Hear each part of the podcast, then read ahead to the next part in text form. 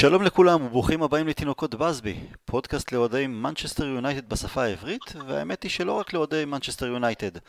אנחנו בפגרת נבחרות וזה זמן טוב לשוחח גם על דברים שהם מעבר ליונייטד או כדורגל נטו בימים אלו, אה, ולגעת גם בתקשורת הספורט בישראל והסיקור שלה את הכדורגל שמעבר לים לאורך השנים. אני טל הרמן, ועל מנת לשוחח על הנושא הזה, הזמנתי לתוכנית את חנן תומר, דוקטורנט בתקשורת, שבעבודת המחקר שלו בדק לעומק את התפתחותה של עיתונות הספורט בישראל. שלום חנן, תודה שהצטרפת אלינו, מה שלומך? היי טל, טוב תודה, תודה להיות פה. בכיף, אנחנו שמחים, ש... שמחים שאתה איתנו, ולמען הגילוי הנאות, אנחנו חברי ילדות, ואם לפני 30 שנה עוד היינו משחקים ביחד כדורגל בשכונה, אז היום אנחנו מתקשים יותר להזיז את התחת, ונשאר לנו לשוחח על מה שתכלס היינו משוחחים עליו גם אז, בשנות העשרה. שומרים עיתוני ספורט, מלקטים כל פיסת מידע, ועוד הרבה הרבה לפני עידן האינטרנט. נכון, נכון מאוד, אתה צודק, ושכחת גם פינג פונג. גם פינג פונג, קרבות... אני אה, מבין, אני מבין למה אתה לא רוצה להזכיר את זה, אבל אני חושב שמן הראוי אה, לומר גם את זה. אה, ידך הייתה על העליונה ברוב הפעמים, אבל הייתי נותן פייט הגון. זה נכון, זה נכון. אז חנן, בואו נתחיל עם קצת רקע על עיתונות הספורט בעולם, ומתי היו בעצם דיווחי ספורט ראשונים פה בישראל, ומתי נכנס גם הכסף מפרסום? אז קודם כל, בשביל להבין את אה, עיתונות הספורט בארץ ואת אה, הדברים, הסיבות שהובילו להקמתה, צריך לחזור אה, לפחות איזה 150 שנה אחורה, עוד לפני שעיתונות הספורט בארץ הוקמה, ולהגיד כמה מילים על עיתונות הספורט בעולם. כשאנחנו מדברים על העולם, אנחנו מדברים בעיקר על ארה"ב ועל בריטניה. ארה"ב, למשל, ידיעת הספורט הראשונה, עד כמה שזה מוזר לחשוב על זה, ידיעת ספורט הראשונה שתוארכה בעצם בעולם, פורסמה בארצות הברית, 1733. היא תיארה קרב אגרוף שאירע חודש קודם לכן בכלל באנגליה. זאת אומרת, לקח לידיעה בערך חודש להגיע מאנגליה לארצות הברית, ושם היא פורסמה. עכשיו, חשוב להבין את הרקע, הספורט באותם אה, ימים היה משהו שלא היה כל כך, אה, לא רצו להתגאות בו. זה בעיקר אה, לבני המעמד הגבוה, וכשאנחנו מדברים על ספורט, אנחנו בכלל לא מדברים על ספורט כמו שאנחנו מכירים אותו. אלא מדברים על אה, ציד, על דייג, על כל מיני ספורט אה, שהוא מונח לבני המעמד הגבוה. לא משחקי כדור. גם, בדיוק, ולכן גם לא ניסו להגיע באמצעותו להמונים, ולכן כמעט לא כתבו עליו ולא פרסמו אותו, אוקיי? והשינוי החל בארצות הברית, ובאותה מידה אני חושב גם בבריטניה, כשהבינו שאפשר לעשות מזה כסף. הברית אנחנו מדברים על אה, פרסום, זאת אומרת, ענף השוק הפרסום אה, בעיתונות, בתקשורת בכלל, תחילת המאה ה-18 בערך, בעיתונים בכלל וגם בתחום של ספורט, כשהבינו שאנשים באמת מעניין אותם לקרוא על ספורט, אה, מהגרים שהגיעו לארה"ב והביאו איתם אהדה לספורט, ועלייה בשיעור האוריינות הברית, הביא לכך שאנשים צרכו ספורט, קראו ספורט, וברגע שהבינו שיש ביקוש, בעצם החל פרסום. מהגרים אה, הברית זה היה בעיקר גם, אה, בעיקר מאירלנד, נכון? לא מעט מאירלנד. בדיוק, נכון מאוד. נכון. והם הביאו איתם ספורט אה, בריטי? ספורט אירי, בריטי? הם, מה שהביאו, הביאו אפילו יותר מהספורט עצמו, זה את האהדה לספורט. זאת אומרת, את המרכיבים שמאפיינים את האוהדים, האירים, הבריטים, השרופים, שבארצות הברית פחות הכירו אותם, כי כאמור היה הכל יותר מעונב, יותר ככה גבוה כזה.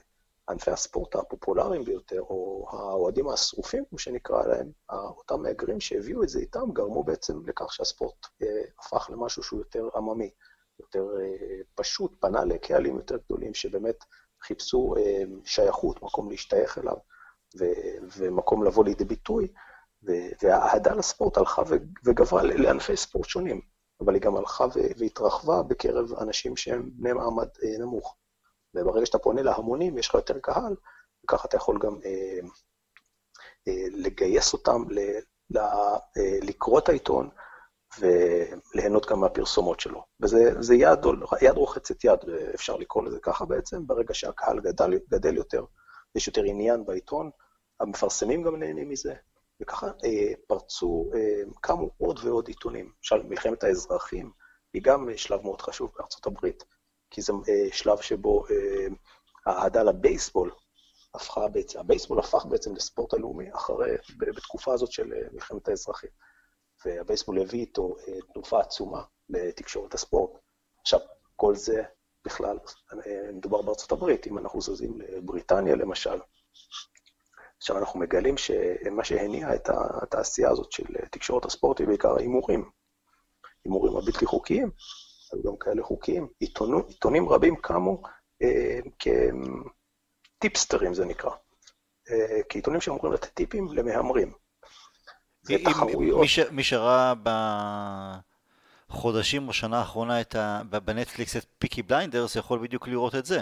פחות או יותר בתקופה שהוא נכון. קצת יותר מתקדמת אמנם. אה, נכון, זה לא, זה לא בדיוק אותה תקופה, אבל זה עדיין, המרכיבים והמוטיבים הם די זהים. עיתונים שלמים שקמו, ותעשייה שלמה בעצם שהתפתחה על בסיס ההימורים. והימורים לא חוקיים, אה, בעיקר במרוצי סוסים. נכון מאוד. מרוצים מכל הסוגים, אגב, מרוצי סוסים היו אחד ענפי הספורט היותר פופולריים, אם תרצה.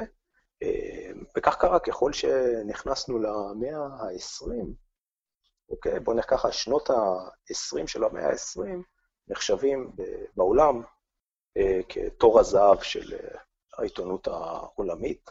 אם תרצה, אה, שידור הספורט הראשון ברדיו ב-1921, שידור הספורט החי כמובן, שידור קרב אגרוף ב-1926, זה אירוע הספורט הראשון שהכניס מעל למיליון דולר רק מפרסומות, שזה סכומים מטורפים. לתקופה ההיא בוודאי. והשנים האלה, אם תרצה, זה השנים שבעצם אה, עיתונות הספורט אה, ביישוב היהודי בארץ ישראל בעצם מתחילה קצת, אה, אה, אני אגיד, לקרוא עור וגידים, זה עדיין לא ממש אה, קיים, אבל אם אנחנו מסתכלים על הנקודה שבה בארץ בעצם התחלנו לדווח על ספורט, אז אנחנו יכולים אה, ללכת לכיוון של ה-13 באוגוסט 1919, שזה התאריך שבו מדור הספורט הראשון בעיתונות הכתובה פורסם אה, בארץ ישראל. שזו בעצם הנקודה שבה, אם תרצה, התחילה עיתונות הספורט. והביאו יותר הי... ידיעות מארצות הברית או מבריטניה בהקשר של הספורט? הידיעות באותם שנים אה, הם היו בעיקר אה, בריטיות. אל תשכח ש... תקופה, בדיוק, אנחנו מתקרבים... המנדט, המנדט, המנדט נכון. הבריטי נכנס שנה קודם לכן לארץ, סילקנו את, הם סילקו את הטורקים והשתלטו על הארץ. ולקח כמה שנים עד שהם התחילו פה גם, בהתחלה היו פה המון תחרויות אה, ספורט בריטיות, בעיקר כדורגל, הבריטים הביאו את הכדורגל לארץ, mm-hmm. בוא נניח ככה, אוקיי? והתחרויות שהיו בין הליגיון השני לדיוויזיה החמישית ובין הגדוד הזה לגדוד הזה, אלה היו הדברים שגרמו אה, ל... ליהודים להבין מה זה כדורגל, איך משחקים ועד כמה המשחק הזה מהנה. טוב, אנחנו, אנחנו זוכרים גם בשנות ה-40 את ה... כשכבר התחילו לספור את uh, האלופות בארץ, אז גם הייתה המשטרה הבריטית. נכון מאוד, המשטרה הבריטית באמת נכנסה, ברגע, לקחה את שתי האליפויות הראשונות, אה, בעצם מתחילת הליגה. אבל עוד קודם לכן, ההשפעה הבריטית הייתה עצומה על, על, על, על עולם, עולם הספורט, וגם על, וגם על עיתונות הספורט הצעירה. זאת אומרת, היו פה בסך הכל שלושה עיתונים, דואר היום, דבר, בהארץ. אגב, אנקדוטה קטנה, דואר היום, שהוא עיתון, אחד העיתונים היותר מוכרים בתקופת היישוב, הוא בעצם עברות של הדיילי מייל הבריטי. Hmm. זאת אומרת, יפה. הדיילי מייל הבריטי, לקחו, ייבאו, אה, מי שהקים את העיתון הזה, זה היה איתמר בן אבי, שהוא אה, הבן של אליעזר בן יהודה. והוא לקח, ביסס אותו בעצם על מודל בריטי, מודל בריטי מאוד מצליח, כן? כן. אה, ושילב בו באמת, היה בו הרבה מדורים מכל מיני סוגים, שזה היה דבר לא שגרתי בארץ ישראל של אותם שנים, ואחד המדורים היה מדור הספורט, מדור הספורט. ואחריו הארץ, ואחריו עיתון דבר, ואלה בעצם העיתונים שהיו היום, היומונים שהיו פה בשנות ה-20 וה-30. אוקיי? ואז בשנות ה-40, כשידיעות אחרונות עלה, ראה אור, ואחריו גם מעריב ב-1948, בעצם מדורי הספורט החלו להתרחב. הם החלו להתרחב כי אמ, גם כי הם הבינו את המודל הכלכלי, אבל עוד יותר מזה, כי הספורט עצמו החל להתפתח בארץ. זאת אומרת, מה שהיה בשנות ה-20, שלא היו פה תחרויות, או שהיה פה רק תחרויות בין אה, בריטים למיניהם, או בין קבוצות שהן לא ממוסדות עדיין, שנות ה-30 ובעיקר שנות ה-40, בשנות ה-30 אנחנו מצורפים לאירופה, לפיפ"א, אוקיי? Mm-hmm. משחק הכדורגל הבינלאומי הראשון של ישראל נגד מצרים, ב-1934 נדמה לי, מסתיים אגב בתבוסה מחפירה 7-1. ושנות ה-40 בעצם. תבוסה לישראלים. כן. אוקיי. זה, אגב, זו הייתה נבחרת מעורבת של יהודים, ערבים ובריטי אחד גם, והובסנו 7-1. אוקיי. אפשר להבין את זה. האמת שעד היום אתה יכול להגיד שאנחנו קבוצה אה, מעורבת של כל אה, נבחרת ישראל, יש לנו... רק בלי בריטים. כן, רק בלי בריטים. ארי קיין היה יכול לעזור לנבחרת ישראל נגד פולין לפני... חושב שכן. כן. אולי, בגלל זה אנחנו מפסידים, אבל בכל מקרה זה היה המצב בערך בשנות ה-40. עכשיו, עוד, נקודה מעניינת שראוי להזכיר, שנות ה-40 הם גם תחילתם של השבועונים, שבועוני הספורט. בעצם שבעה שבועוני ספורט שונים, רואים אור בין 1946 ל-1953 בערך.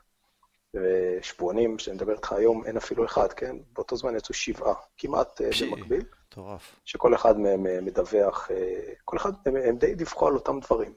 אבל, ופה לשאלתך אני חוזר, ההשפעה של מהעולם הלכה והתרחבה, ושוב, בעיקר מאנגליה. כי מה קרה? הם ראו את המדורים שהיו שם, אני מדבר איתך, אם אתה זוכר, תור הזהב של עיתונות הספורט העולמית היה בשנות ה-20. בשנות ה-40 הם כבר באמת היו עם המון עיתונים, עם המון מדורים, עם המון רעיונות, שבארץ רק התחילו ללמוד איך ליישם. לכן, בשנות ה-40 בעצם אנחנו מתחילים קצת לחקות את uh, מה שקורה מעבר לים. אז רואים איזה מדור יפה של מישהו שמדווח על, uh, לא יודע מה, סוטות מחדר הלבשה נניח, לוקחים ומעתיקים גם אצלנו. Mm-hmm. תראה, זו העתקה שהיא לגיטימית, בסך הכל, אתה רואה מה שהם עושים, אתה רוצה גם.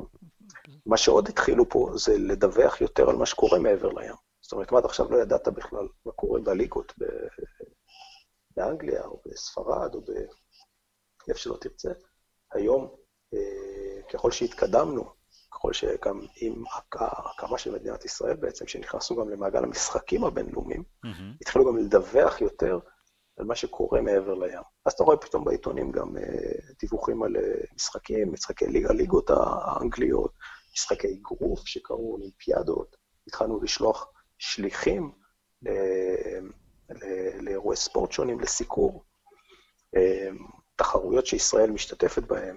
אני, אם אתה זוכר את המשחק המפורסם של ישראל נגד ברית המועצות עם הגול של סטלמך, היו המון משחקים כאלה. כן, 2-1, כן.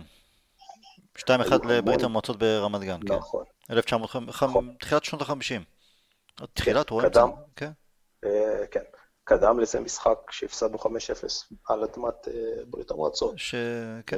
שעדיין סטלמך אה, נחשב לשחקן המצטיין שם מצד הישראלי, כי מנה נכון. תבוסה מחפירה עוד יותר. נכון מאוד, נכון מאוד. והמשחקים האלה, זה, אולי זה מגמה של שנות ה-50. לא סטלמך, סליחה, חודורוב. חודורוב היה השוער. כן. סטלמך הוא זה ש... כן, הוא זה, כן, שחודורוב כאילו מנע תבוסה קשה עוד יותר.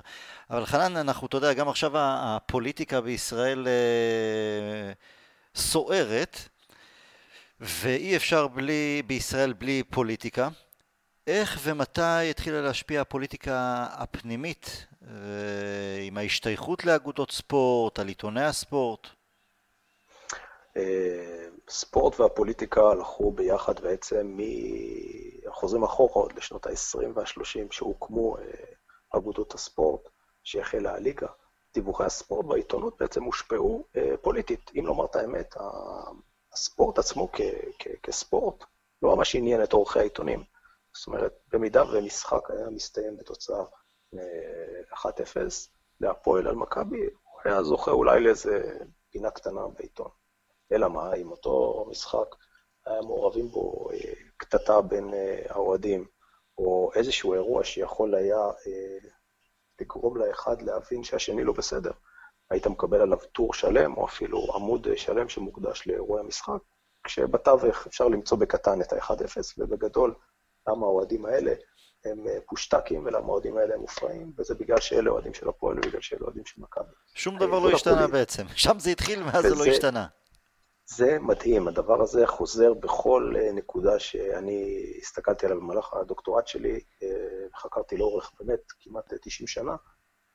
היריבות הזאת בין הפועל ומכבי, הוא האופן שבו העיתונים והפוליטיקאים ממנפים את הדעות הפוליטיות שלהם תוך שימוש בספורט, זה מה שאנחנו רואים עד היום. היום כמובן זה כבר נטול ערך פוליטי, כי המרכזים האלה הם כבר פחות משויכים, השיוך הפוליטי לא כזה חשוב, כי גם לאף אחד לא אכפת, אבל פעם זה היה ממש גורם למאבקים.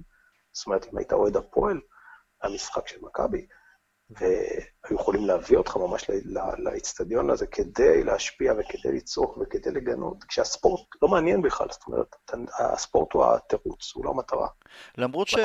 למרות שפוליטיקאים, כולל אלה העכשווים של היום, אם זה ליברמן, אם זה נתניהו, הם ידעו יפה מאוד להגיע לטדי, למשחקים של בית"ר בתקופות כאלה ואחרות.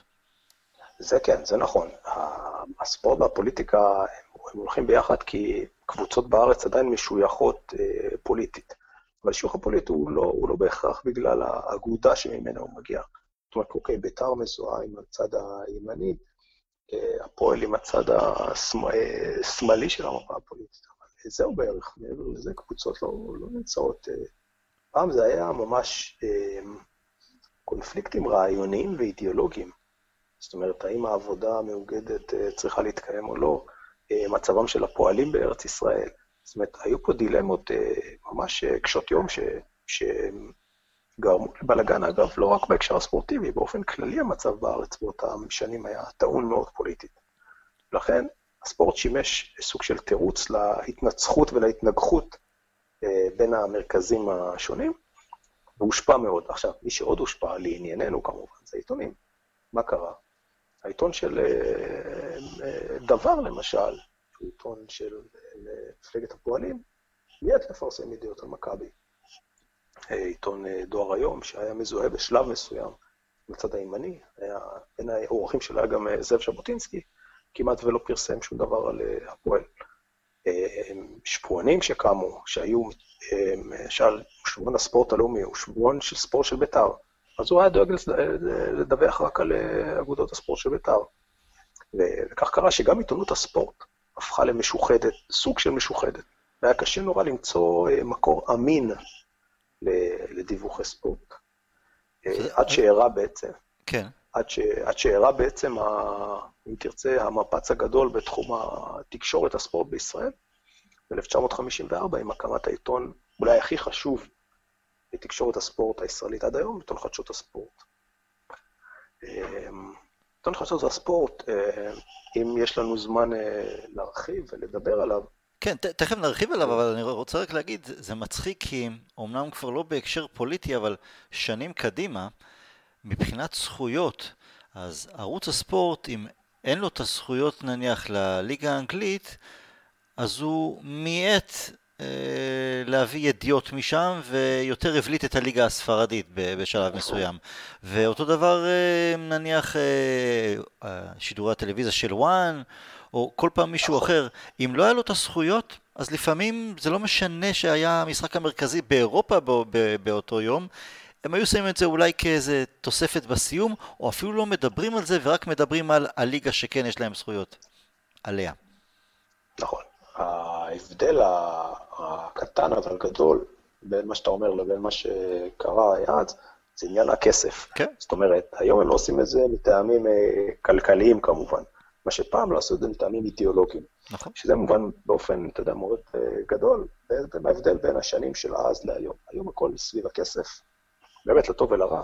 היום עיתונות הספורט מדווחת בעיקר מטעמים כלכליים, בעוד שפעם באמת, באמת הטעמים היו אידיאולוגיים. זאת אומרת, פעם האמונה שלך בצדקת הדרך של אה, האגודה הספציפית הזאת, הייתה גורמת לך ללעוג לאגודה השנייה, או לא לדווח עליה, או לדווח על הדברים הנכונים. הכל היה ברמה אידיאולוגית, אנשים באמת האמינו שבכוח של המילה, וביכולת שלה להשפיע על האדם השני.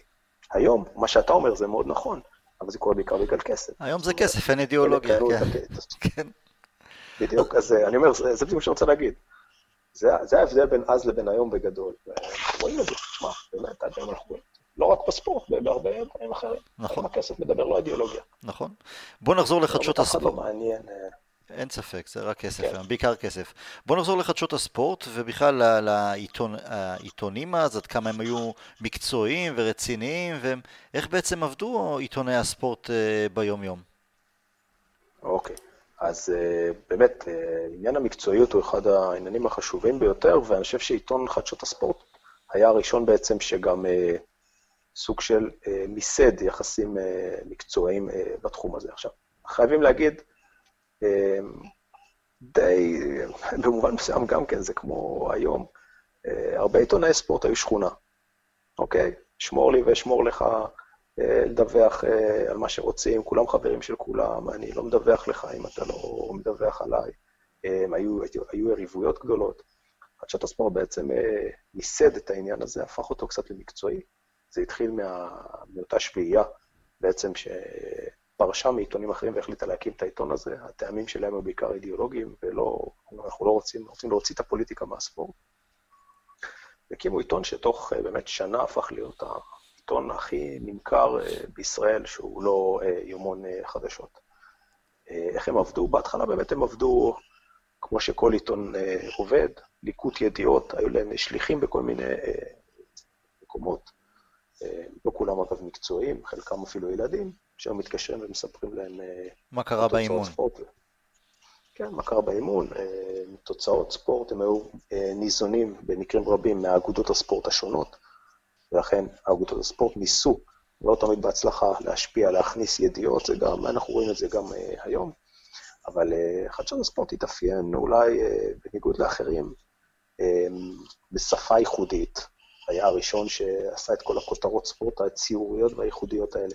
במדורי ספורט, אה, אה, מדורי, מדורי עיתון מעניינים, אה, חסרות מחדר הלבשה למשל, שהתחיל אצלהם, בחירה של נבחרת השבוע. מי היו העיתונאים? מצטיינים. או, היו ישראל פז. ישראל פז זה כדורסל. ישראל פז, לא. ישראל פז דיווח גם על כדורגל, אני לא חושב שאנחנו מדברים על אותו ישראל פז, שאתה... שאני מתכוון אליו? יש לי עד היום ספר של ישראל פז, אני כמעט בטוח שזה ישראל פז, על כדורסל, שהיה... יכול להיות שהוא עסק מישהו אחר, אוקיי. בערוב ימיו, יכול להיות שהוא עסק בסיקור כדורסל, אני לא סגור על זה, אבל אוקיי. אה, בכל מקרה, אה, היו שם אה, את השביעייה האלה. בזמנו נוח קליגר, אם אתה זוכר אותו, בוודאי, ניצול שואה, כן. נכון, נפטר. שחיין. לא, זה שחיין ומתאגרף גם. מתאגרף, כן, כן, כן. כן. הוא היה אמור להיות אחד מהכותבים שם, אני נפגשתי איתו לפני, לעבודה שלי, ראיינתי אותו לפני כמה שנים. סיפר לי סיפורים אה, מאוד מעניינים על, אה, על, כל, ה, על כל העיסוק הזה. אה, יחד עם זאת, העיתון הזה, הוא, אוקיי, עוד לפני זה בעצם, העיתון זכה לפופולריות עצומה בישראל, באמת. סוף סוף עיתון שמביא מביא דיווחי ספורט ולא פוליטיים, שלא מסתכל על הפוליטיקה, שמנסה באמת להביא כמה שיותר ספורט לאנשים שבאמת החלו יותר ויותר לגלות עניין בספורט בארץ. אה, בשנות ה-60, בשנות, בערך כמה שנים לאחר הקמתו, אה, סוף שנות ה-50, תחילת שנות ה-60, הוא עובר לפורמט של יומון, בעצם כל יום, תחשוב על זה, עיתון ספורט יומי. היום זה נשמע לנו כאילו... אין את זה היום, אוקיי, היום אנחנו בעולם האינטרנט, אבל בואו נלך נכון. 15-20 שנה אחורה, לא היה את זה, אוקיי, אוקיי היה את המדורי ספורט, לא אבל היה. קטנים יותר, פחות... מדורי הספורט ניסו להתחרות ביומון הזה, כן. בחדשות הספורט, ולא הצליחו בהתחלה.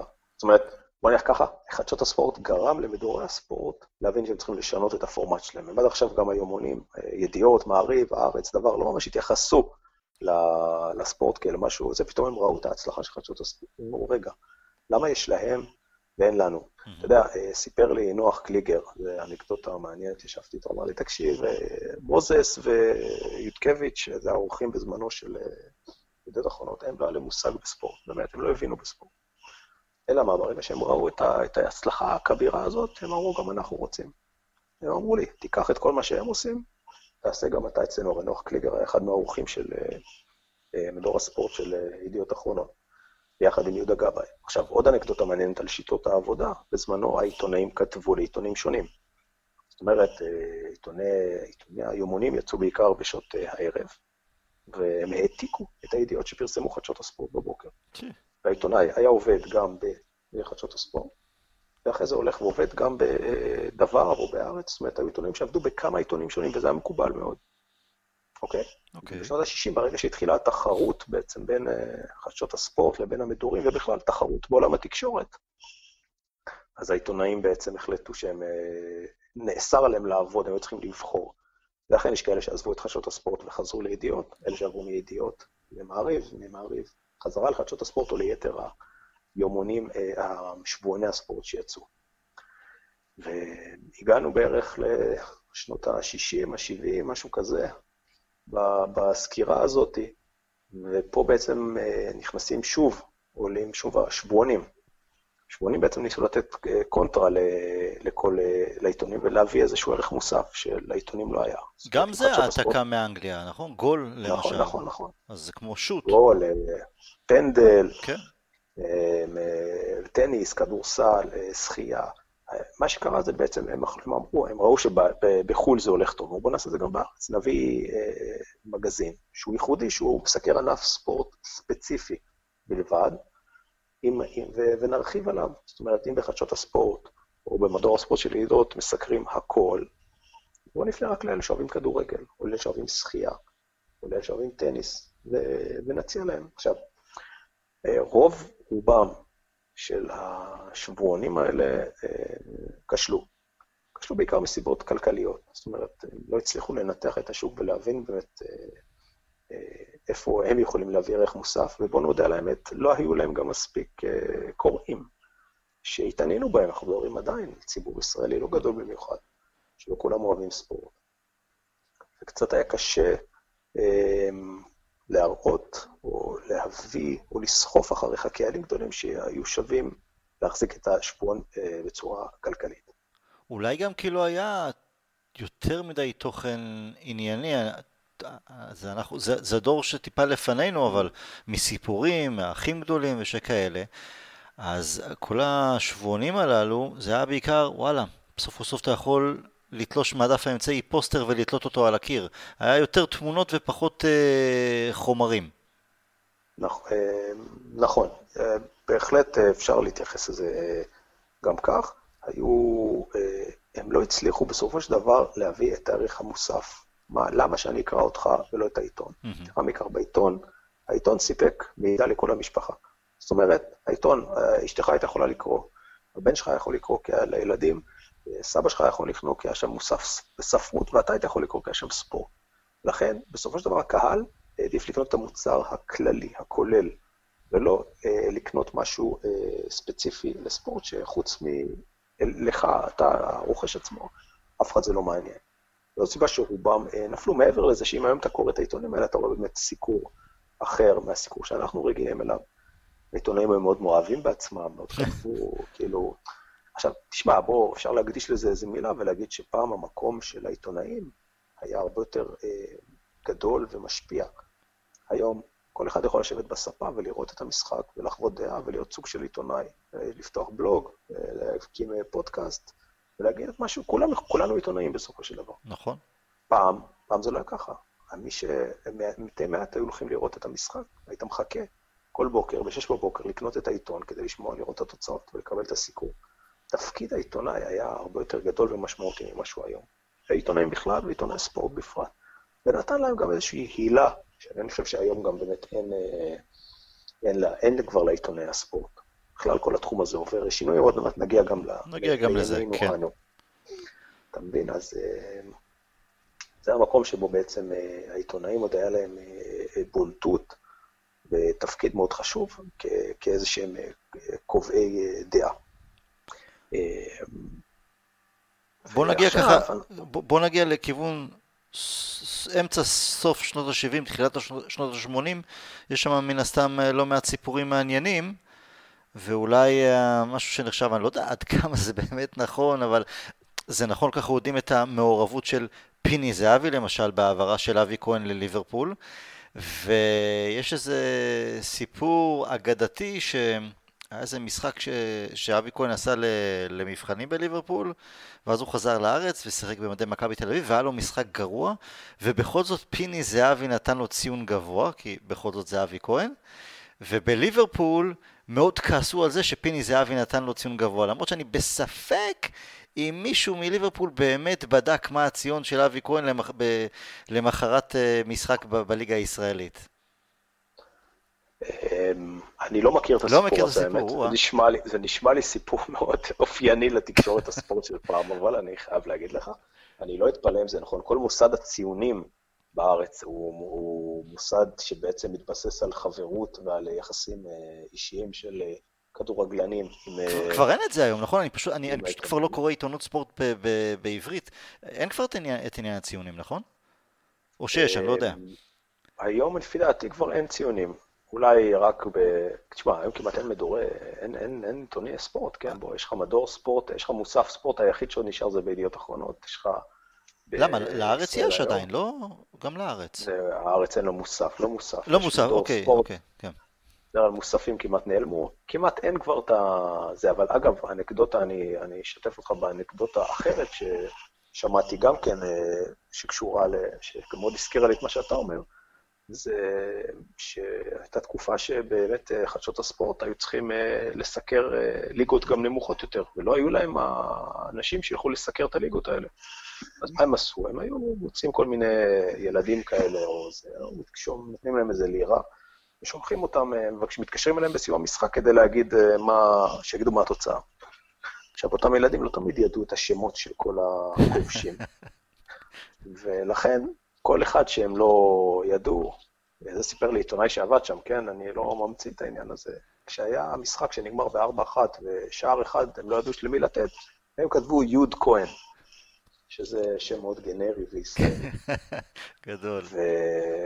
ואתה יודע, בסוף אותה שנה, הם אה, באו לעשות, עשו טבלה של אה, מלך השערים של הליגה, ונחש מי היה מלך השערים של הליגה באותה שנה. יוד כהן. בדיוק, רק שאף אחד לא ידע מי זה, ולא ידעו לתת לו את הפרס, וזה סיפור אמיתי.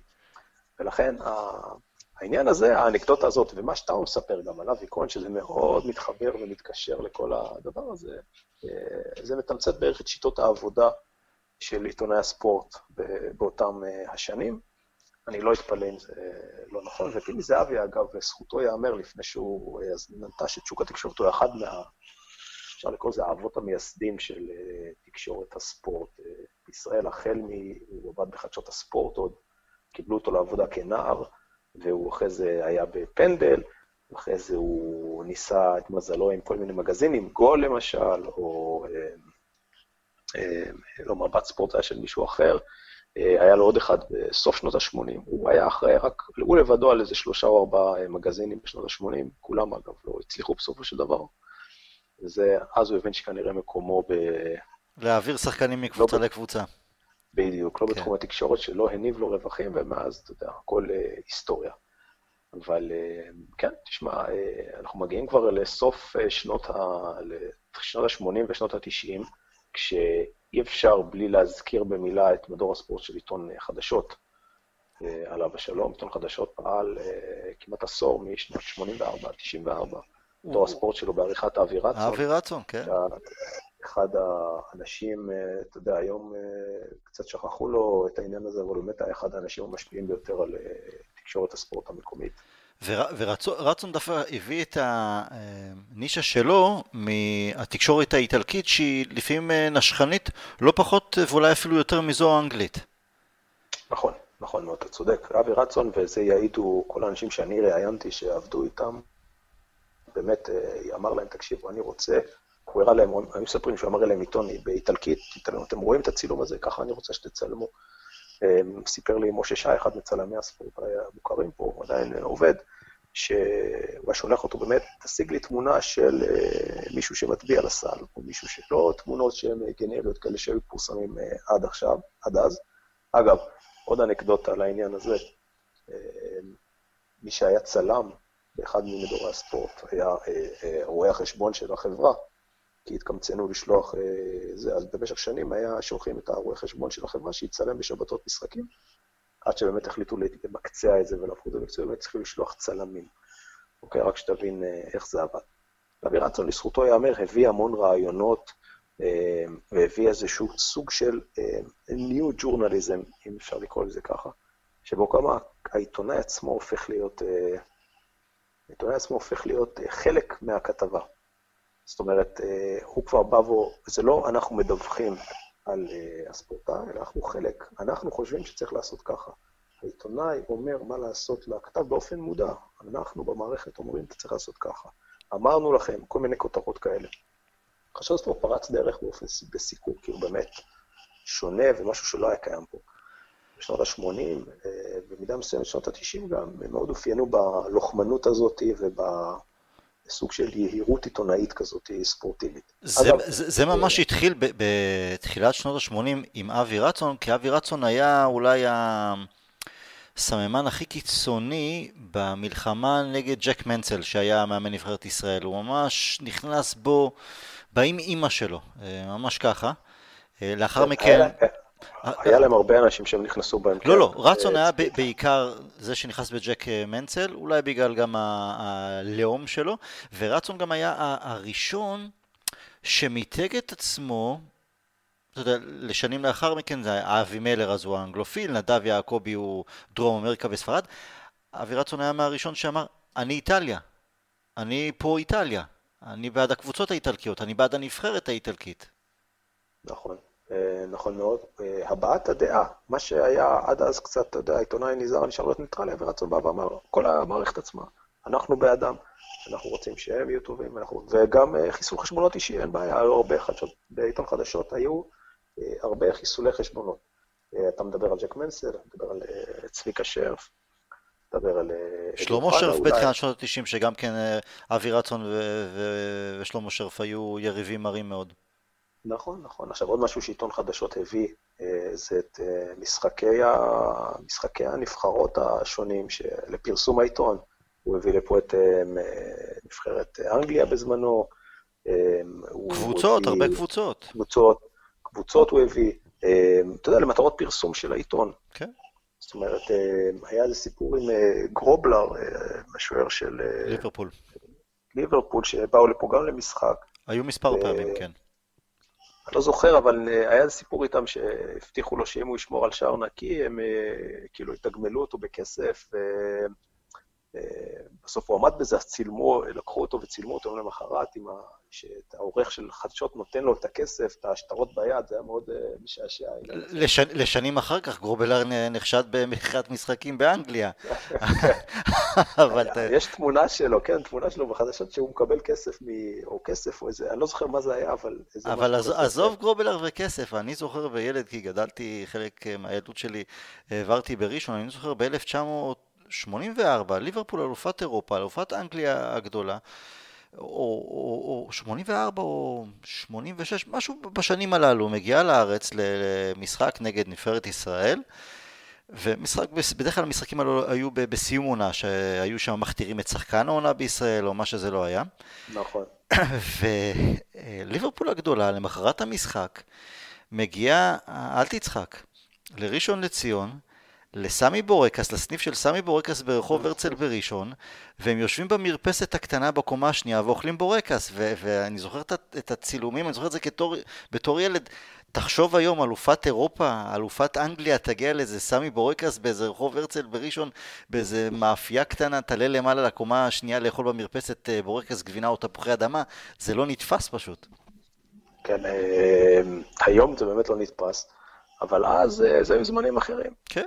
ואז גם אה, אני חושב שהשחקנים, הקבוצות, אה, בכלל אה, היו יותר נגישים, גם לתקשורת, אולי לתקשורת לא, כי התקשורת היום הרבה יותר חודרנית מפעם, אבל גם לאנשים, הם גם היו יותר down to earth, אם אפשר לקרוא לזה ככה.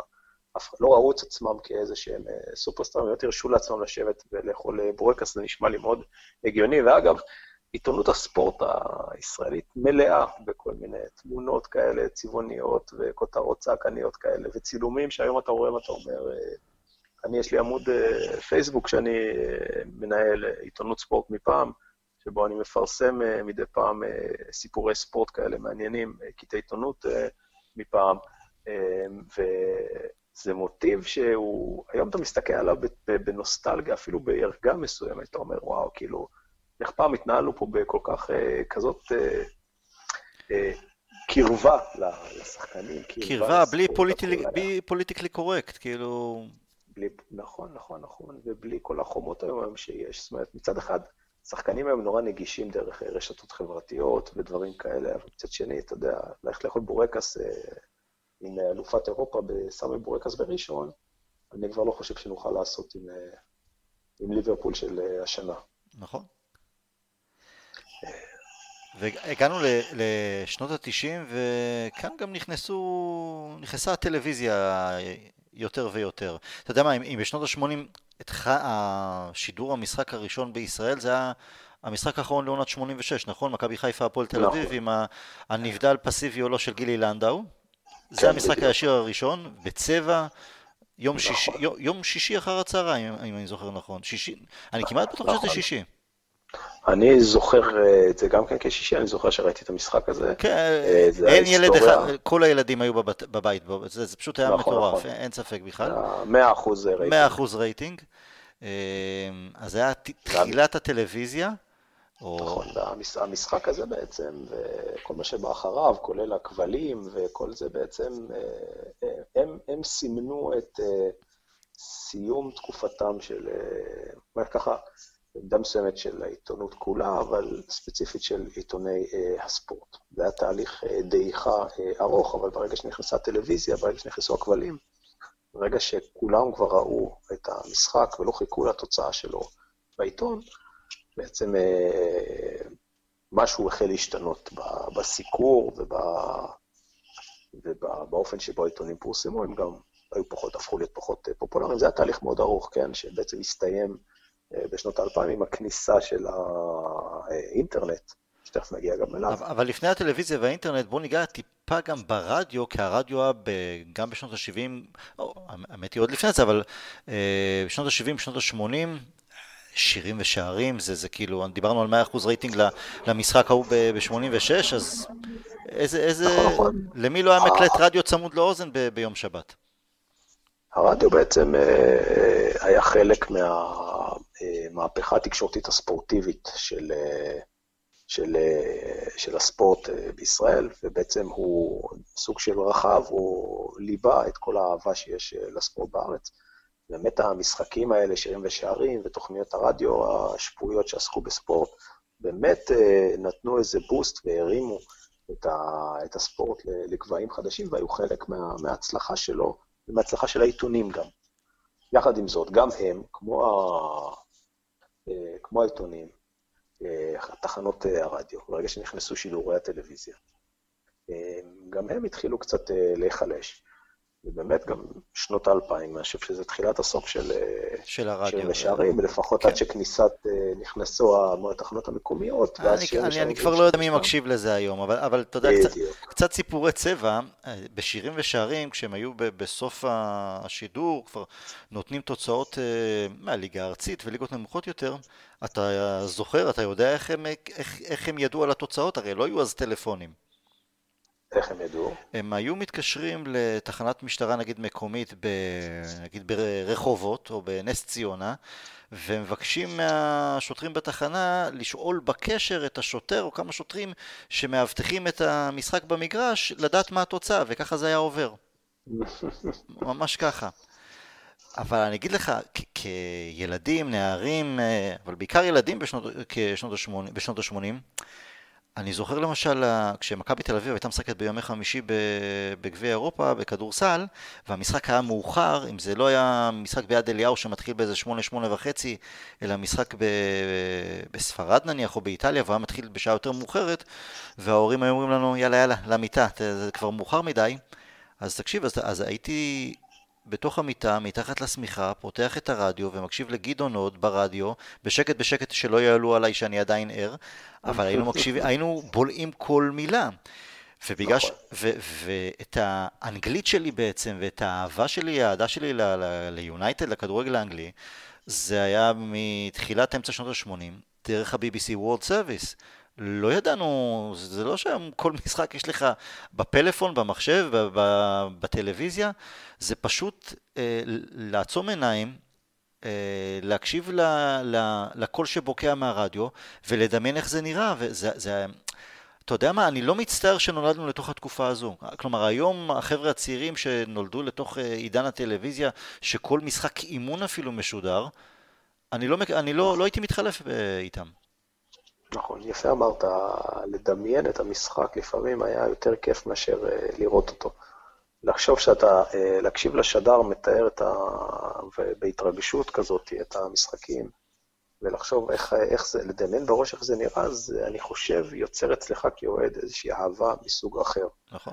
איזשהו משהו שהיום אנחנו קצת אה, חסרים אותו בתרבות הספורט המקומית. אנחנו נכנסים פה קצת לדיון אה, פילוסופי, אבל אני חושב שזה גם חלק מהעניין. בהחלט. עצם זה שיש פה אה, כל כך הרבה ערוצי תקשורת, כל כך הרבה משחקים, כל כך הרבה אה, אתרים, דיווחים שונים, אינפלציה מטורפת, בזה, זה די גם באיזשהו שלב קצת מוריד לך את ה...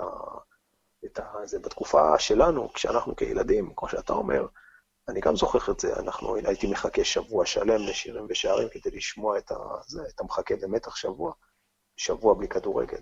בלי לקרוא, בלי לשמוע, אולי משחק אחד פעם ב... לא, אולי היינו, היינו בולעים כל פיסת מידע בעיתון במשך השבוע. נכון. ביום חמישי הכדורגל אנגלי 45 דקות, אה, כדורגל בערבית ביום שני או שלישי אחר הצהריים, אה, אזור שש ככה, ובעיקר מראה גולים מגרמניה, אה, או איטליה וספרד, אנגליה פחות.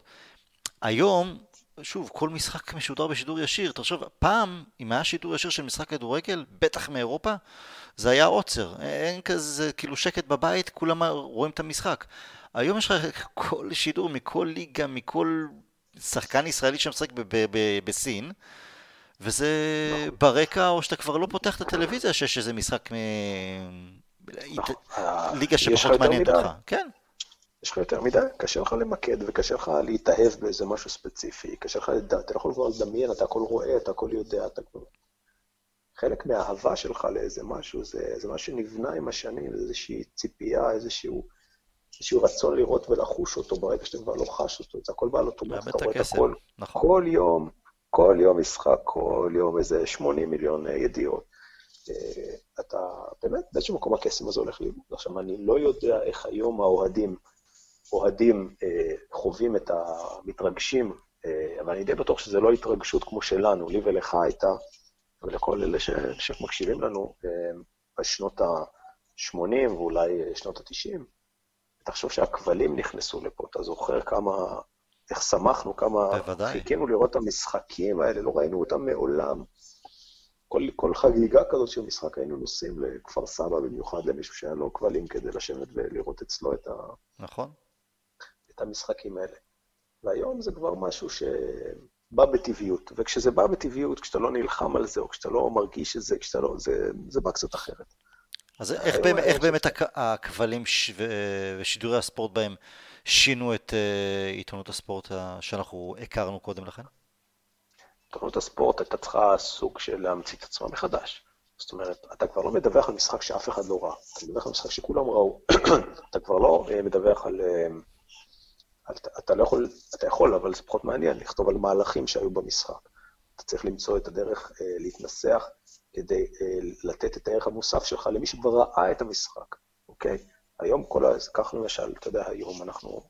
אתה, אתה, אתה רואה את המשחק, העיתון ספורט, אבל למחרת לא ידווח לך על uh, המהלכים, אולי רק על המהלכים המרכזיים. אתה כבר ראית אותו, הוא ייתן לך ערך מוסף, הוא יביא את הרעיונות, הוא יביא איזה אנקדוטות מהצד, הוא ידווח כבר על המשחקים הבאים, מה קורה היום, הוא ייתן לך משהו אחר שאין לך עדיין. או יותר טורי פרשנות. נכון, המון פרשנות גם.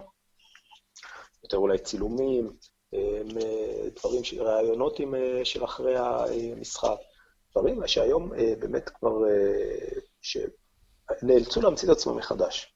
עכשיו, אה, לא רק זה, אה, הכבלים גם די פגעו בספורט בצורה כלכלית. בוא, תשמע, עיתוני הספורט, אם אתה זוכר, תחילת שנות ה-90, אבי חצון ניסה להקים עיתון ספורט, עולם הספורט.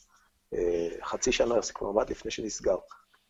אוקיי? אחריו היה עוד את השבועון של אשר גולדברג, נדמה לי, שבוע ספורט, הוא היה בעצם האחרון.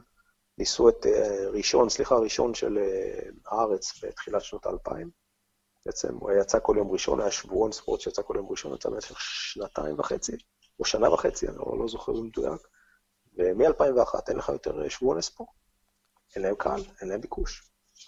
היה את שם המשחק שעוד החזיק מעמד כמה שנים בשנות נכון. האלפיים, זה היה מגזין שיצא... הוא היה מגזין כבר ברמה מקצועית אה, אחרת נכון. לגמרי, כן.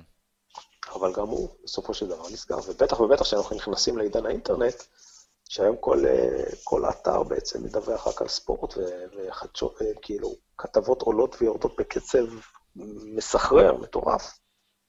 אין הצדקה כבר לעשות פרינט יותר. הקטע מצחיק הוא שדווקא בשידורים הראשונים של שנות ה-90, אה, בעיקר של משחקים של נציגים אה, מישראל, אם זה קצת באנגליה, קצת בספרד, עדיין העיתונאים הישראלים, למרות שכולם היו רואים את המשחק, תמיד היו מתפארים בזה שעם קבוצה כובשת שער, נגיד סאוטהמפטון של אייל ברקוביץ', אז ברקוביץ' היה מעורב בשער, או החל במהלך.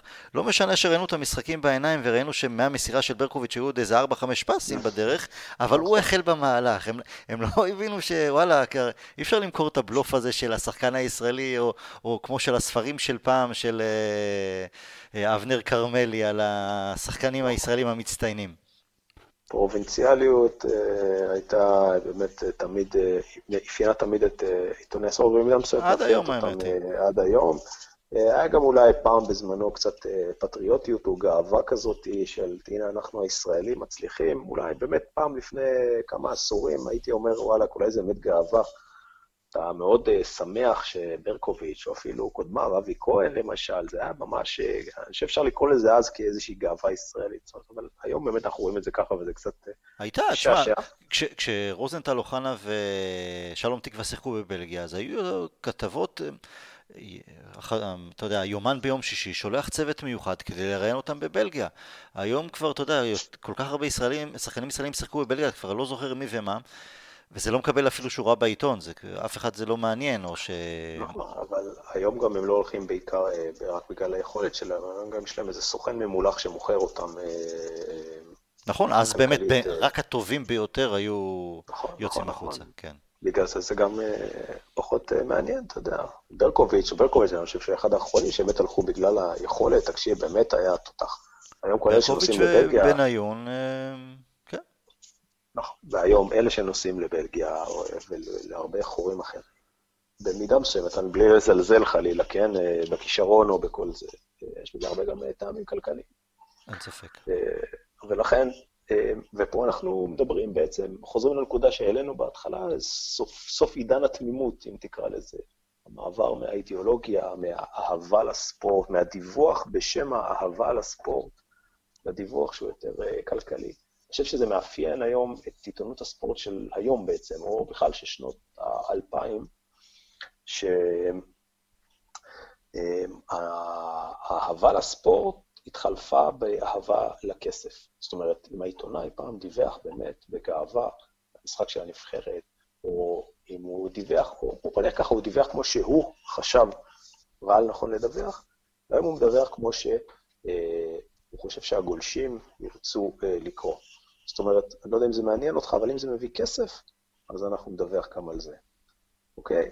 אה, אם תרצה, זה איזשהו הבדל קטן, אבל מאוד uh, משמעותי בסגנון הדיווח. זאת אומרת, uh, אנחנו כבר לא מדווחים, או לא כותבים אפילו, זה כבר לא, נניח, גם אם הנושא של הכתבה נשאר, השפה קצת יורדת, אנחנו מתאימים אותה לבני נוער נניח, כי יש אתרים שקוראים אותם בעיקר לבני נוער, אנחנו נביא לכם כל מיני גליצ'ים, וכל מיני סיפורים על uh, העיקר להכניס עוד כסף. העיקר גם אם זה צהוב וגם אם זה נמוך. בוודאי, לא באינטרנט לא כל קליק שווה כסף, אז אתה צריך לתת כותרת מפוצצת, שלפעמים בכלל לא קשורה לתוכן הכתבה, אבל כדי שמישהו יקליק, מרוויחים כסף, הלאה, לכתבה הבאה.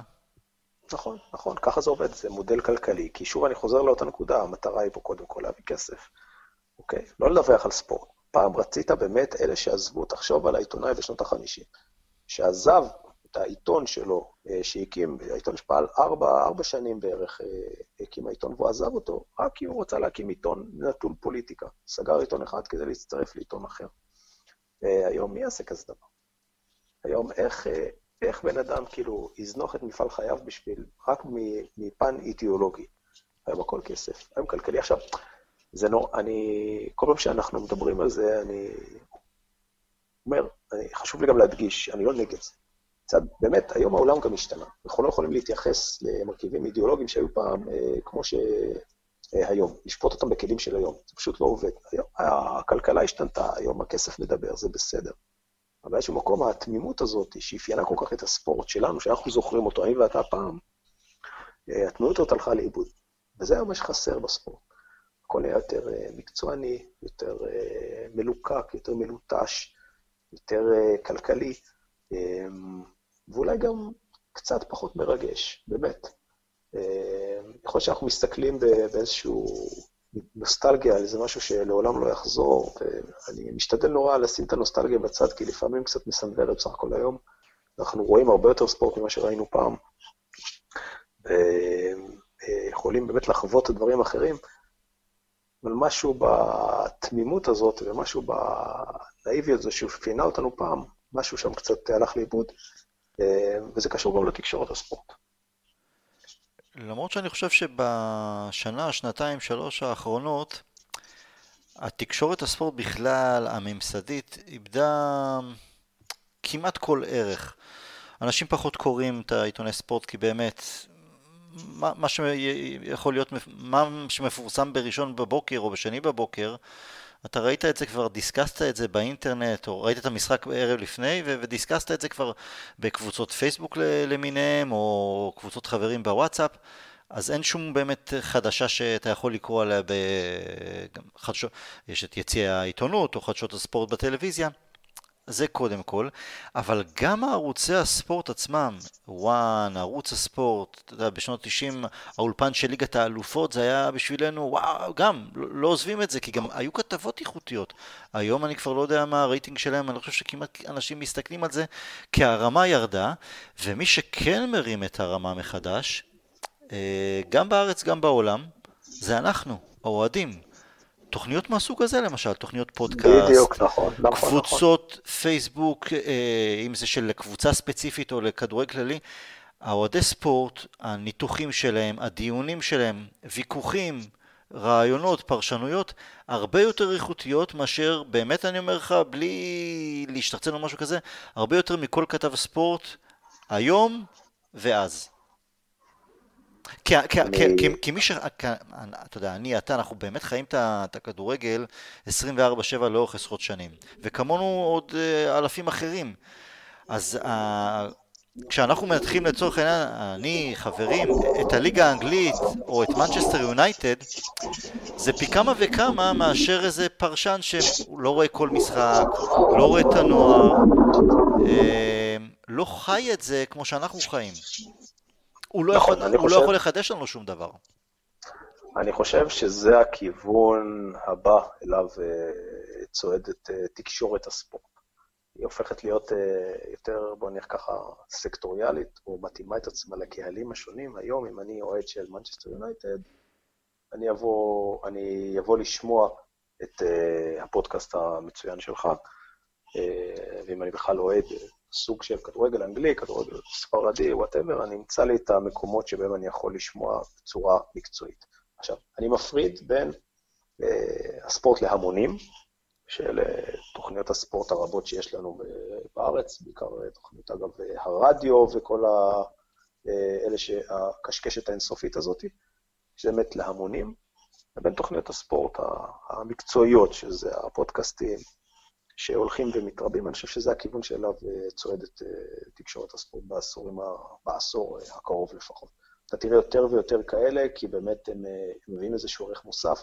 באמת, מי שבאמת אוהב ספורט, אפילו אנחנו, אז לא יודע, פחות מעניין אותנו לשמוע על כל ענפי הספורט. אנחנו רוצים לשמוע את העדכונים השוטפים מהאנשים שאנחנו באמת מעריכים את המקצועיות שלהם, אגב, שזה גם פרמטר מאוד חשוב. כמובן אתה שומע תוכניות עיתוני ספורט שאתה אומר, אה, מה, זה, איך, מי, מי נותן לך במה בכלל ומי מאפשר לך לדבר?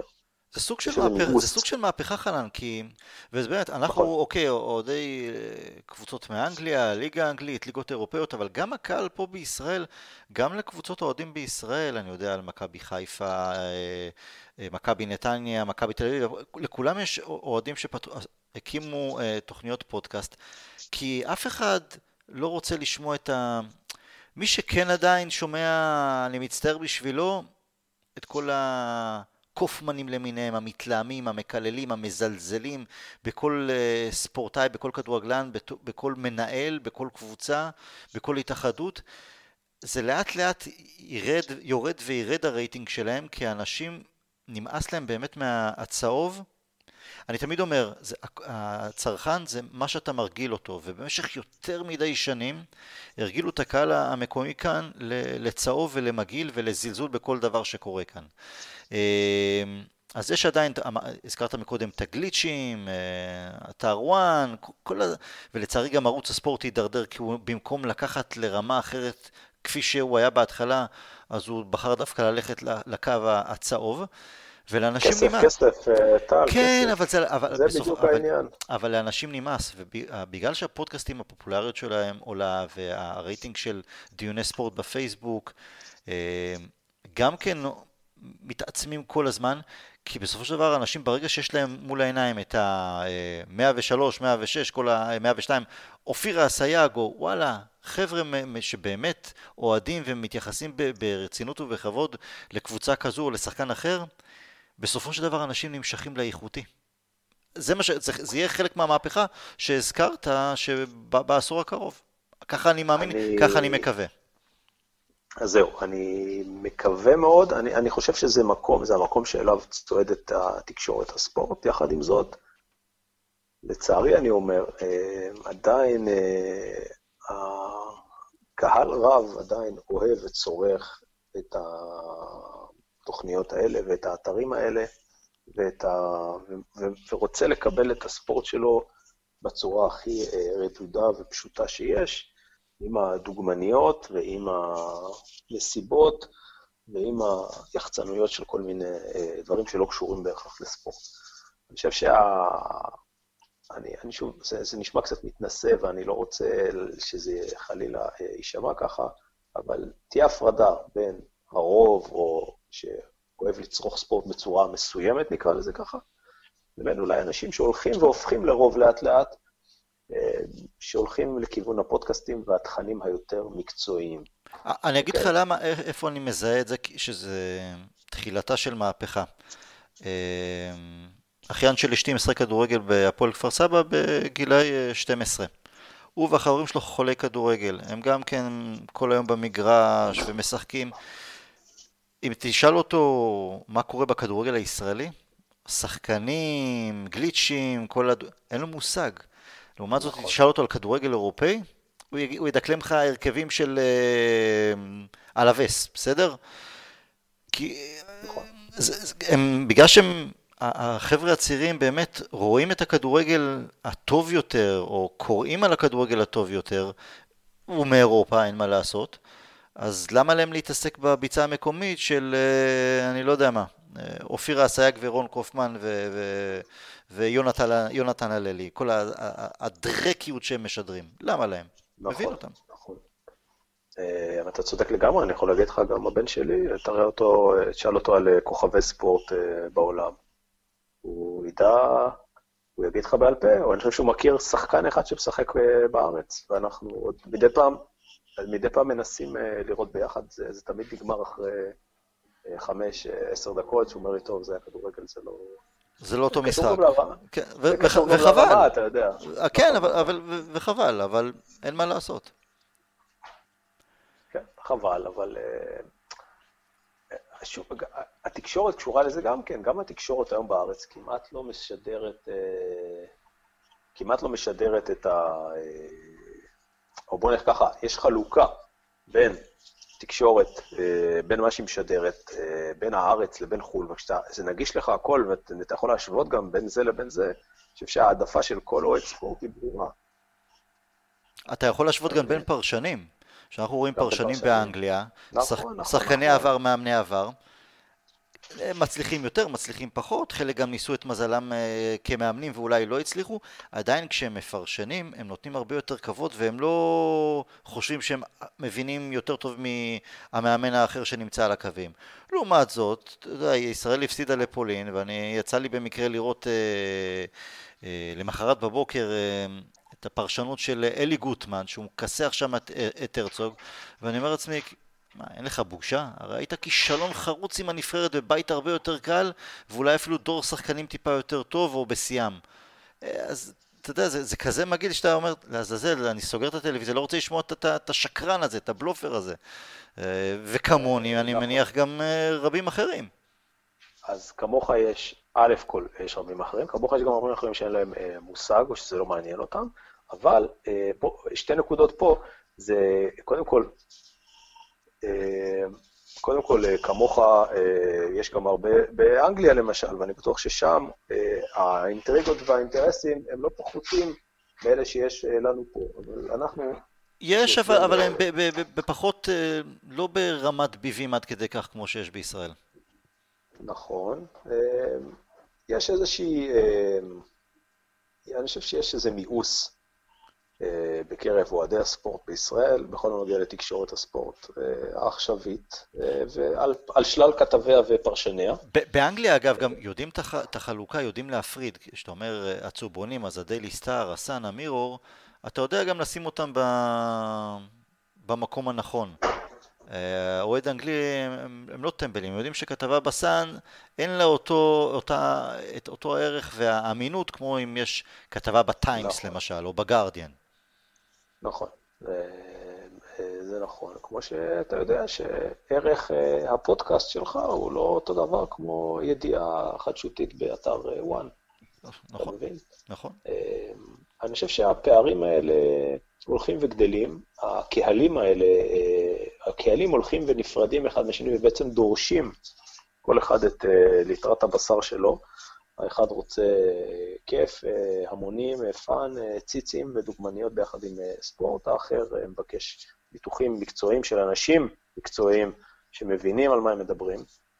ושוב, אנחנו חוזרים לנקודה הזאת שההפרדה הזאת, נראה לי, תימשך עוד כמה שנים. עכשיו, זה בסדר, כל אחד מקבל את מה שהוא רוצה. העניין הוא שפעם אנחנו גם היינו צורכים את הערוצים האלה, אנחנו נדבר, אני ואתה, ולאט לאט אנחנו מתחילים להבין שזה לא באמת מתאים לנו.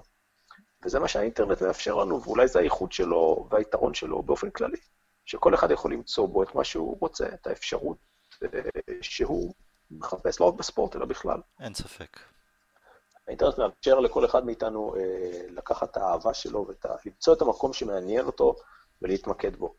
ואני חוזר עוד פעם למה שאמרתי גם אה, איפשהו במהלך השעה האחרונה, כולם בעצם הופכים לעיתונאים. נכון. עכשיו, אה, זה בסדר, אין בעיה. אני שמח אה, לראות אה, אנשים, ואתה יודע מה, יכול להיות, אתה לא צריך להיות בעל תעודת עיתונאי כדי להבין, או כדי שאני אהנה לשמוע אותך. כל אחד עושה את הבחירות שלו. לשמוע או לקרוא, נכון. נכון. נכון, זה מה שמאפיין את התקשורת היום, שבעצם רובה נמצאת בדיגיטל, ויש אין ספור אתרים ואין ספור מקומות, וכל אחד יכול לבחור ולצרוך את איך שהוא רוצה. וזה הכיוון שלפי דעתי אה, כל הדבר הזה אה, יימשך בעשורים אה, הקרובים. ממש בטוח הפרינט, בטח בתחום של הספורט, לא יישאר, לפי דעתי בעשור הקרוב אנחנו כבר לא נראה יותר פרינט של ספורט בכלל.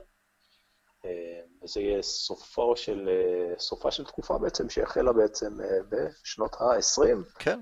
ואנחנו עכשיו בשנות ה-20 של המאה ה-21. 100 שנה בערך של פרינט בספורט, אולי 110, אבל גם זה יסתיים בסוף.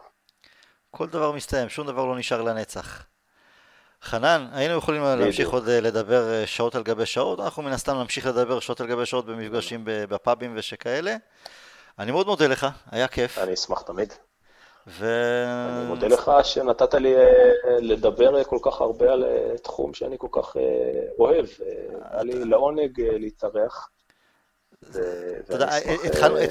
התחלנו ביחד, אה, שנינו היינו אוספים אה, גזרי עיתונים, ואתה יודע, בשנות ה-80 היינו, אה, אם אתה זוכר, אז גם היו את ה...